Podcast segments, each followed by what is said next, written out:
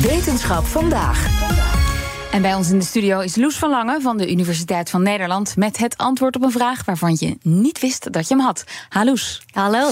Welke vraag gaan we vandaag beantwoorden? Ja, het is natuurlijk Valentijnsdag, dus we konden niet echt onderuit. Uh, dus we hebben een vraag over de liefde. Waarom word je sneller verliefd als je samen iets spannends meemaakt? Oké. Ja, en oh. we hebben daarvoor zelf helemaal ons eigen date-experiment opgezet. Om eigenlijk te kijken of de theorie die hierachter zit de tand des tijds uh, doorstaat. Want het idee is eigenlijk gebaseerd op heel oud wetenschappelijk onderzoek. Ah, jullie gingen gewoon testen of, of het nog een, een beetje goede, goed onderzoek was. Ja. Maar, dus jij bent op date gegaan? Nou, ik zelf niet, maar we hebben een aantal proefpersonen geregeld. En wat voor onderzoek was het? Ja, dus het oude onderzoek waar het op gebaseerd is, komt echt uit de jaren 70. En dat uh, was een onderzoek eigenlijk bij een soort niets vermoedende wandelaars in het park.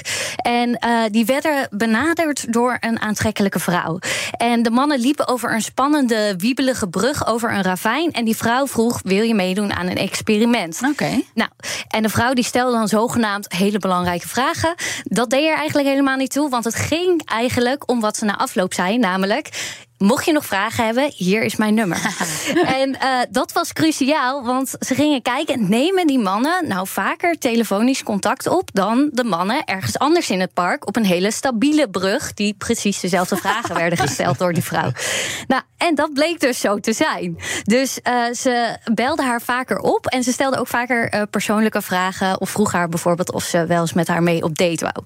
Nou, Oké. Nou, en eigenlijk liet dat dus zien dat als je iets spannends meemaakt... dat je die kriebel die je in je buik voelt, dat die soms verward wordt met vlinders in je buik, waardoor je diegene waarmee je samen bent dus eerder aantrekkelijk zou gaan vinden. Aha, dus dan heb je dus als deze man zijnde niet door dat die spanning die je voelt komt door de wiebelige brug en niet door de vrouw die tegenover je staat. Ja, nou precies dat eigenlijk inderdaad. En dat komt dus omdat we eigenlijk heel vaak niet zo goed weten waar die opwinding vandaan uh, komt. Dus we voelen wel dat onze hartslag omhoog gaat of zweethanden die we mhm. krijgen of die kriebel die we voelen, maar ze hebben dus niet door dat het door die brug komt en die opwinding die we voelen excitement in het Engels gaan we toeschrijven, transferen aan die leuke persoon die we tegenkomen. En daarom heet de theorie de excitation transfer theorie. Ah. Nou, en die theorie is zo bekend dat hij dus vrijwel in elk psychologieboek staat. Alleen het bizarre is dat hij nog nooit in een echte datesetting is getest. En uh, daarom zijn we eigenlijk als Universiteit van Nederland samen met relatiewetenschapper Tila Pronk van de Universiteit Tilburg een eigen date-experiment gestart. En Pronk die legt de onderzoeksopzet uit. Eén groep gaat op een normale date. Uh, die zit gewoon uh, tegenover elkaar in een restaurantje om elkaar beter te leren kennen. De andere groep gaat dat ook doen. Maar voordat ze hun date hebben, gaan ze een ritje maken in onze speciale Universiteit van Nederland, LIFT.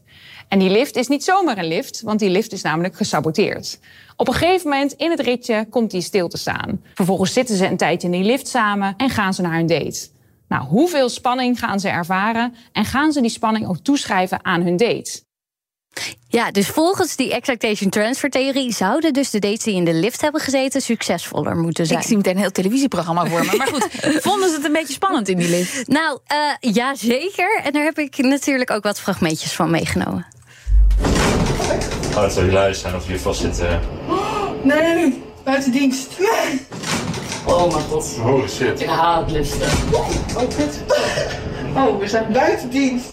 En hadden ze niet gelijk door dat het dan bij een experiment hoorde? Want je weet, je doet mee aan een experiment. Ja, dus dit was eigenlijk op de weg naar het café toe. Er waren ook nog geen camera's. Er hing alleen een klein camera. Oh, ze dachten dat dat veel later zou dus beginnen. Dus ze dachten dat het experiment later pas begon... en dat ze nog wat uitleg zouden krijgen. Er waren wel een aantal mensen die die camera een beetje verdacht vonden... maar die zeiden dan ook van... ja, maar in elke lift hangt een camera. En uh, dan gingen sommige mensen ook weer zeggen van... ja, het zou ook wel heel onlogisch zijn als dit bij het experiment zou horen... want dan moet je iedereen vastzetten en het is heel veel gedoe en zo. En voor de twijfelaars hadden we dus ook nog wat bedacht om de, zeg maar, de illusie compleet te maken. Dus uh, als mensen zelf gingen bellen of op de liftbel uh, drukten, dan reageerde onze redacteur Nicky daar als volgt op. Met Nicky. Hoi, met Spence. En Nick. Ja. Um, hey Spence, ik sta hier boven elkaar te wachten. Ja, de lift staat, daar zit vast. Oh nee joh. Ja, hij staat buiten dienst. Oké, okay, uh, jeetje, oké okay, wacht. Ik ga meteen even weer bellen, sorry. Hoort er dus niet bij. Hoort er niet bij. Goed geacteerd. En wat waren dan de uitkomsten? Was er meer succes bij de dates als ze in die lift vast hadden gezeten? Nou, als je dus puur kijkt naar het aantal matches, dan waren er eigenlijk evenveel bij de groep als de mensen die in de lift hadden gezeten, als de mensen die in het café hadden gezeten. Dus evenveel mensen die elkaar nog een keer zouden willen zien. Maar we hadden dus ook een hele vragenlijst laten invullen. Met allemaal vragen over hoe spannend ze de date vonden. Maar ook hoe aantrekkelijk ze hun date vonden. Of ze het idee hadden dat er een klik was, bijvoorbeeld. En daar zag Pronk dus wel degelijk verschil. Tot mijn grote vreugde laten de data inderdaad zien dat de dates die vastzaten in de lift waren wat succesvoller dan de dates in de controlegroep. De mensen die dus niet vastzaten in de lift. Uh, ze ervoeren wat meer spanning, uh, wat meer klik. Ik voelde wel dat er een klik was. Ja. Vond het wel spannend. Ik vind het altijd wel leuk om. Ik praat zelf heel veel om dan ook iemand te hebben die het ook een beetje kan zo. Dus uh, dat was zeker het geval. Ik denk dat er wel een beetje geflirt is. En ja, wat meer aantrekkingskracht. Een knappe jongen. Ja, ja was wel een knappe jongen. Ja, toen ik haar zag, uh, was eigenlijk wel een uh, schot in de roos. ik vond het een hele leuke date. Dus dat is wel in lijn met onze verwachting. Ja, dus dit, nou, gouden tip eigenlijk. Als je een succesvolle date wil, eerst even wat spannends doen. Ja, precies. Nou, ik moet er wel bij zeggen, het gaat om gemiddelde. Dus uh, niet elke date wordt automatisch een doorslaand succes natuurlijk... Uh, als je eerst iets spannends gaat doen. En het was een kleine steekproef, dus om het echt goed te bewijzen... zouden we het eigenlijk nog groter moeten doen. Maar er zijn wel degelijk aanwijzingen voor dat iets spannends doen... het succes van je date dus kan vergroten... en in positieve zin uh, kan beïnvloeden. Nou ja, je kunt er ook nog heel rijk mee worden, Loes. Want als je een app, een dating-app fabriceert met een spannende activiteit erbij. Nou, ik vind het een goed idee. Dankjewel, Loes van de Universiteit van Lenerland. Nieuw 10 is ook duidelijk voor pizzabakkers. Je vraagt lekker snel een zakelijke lening aan.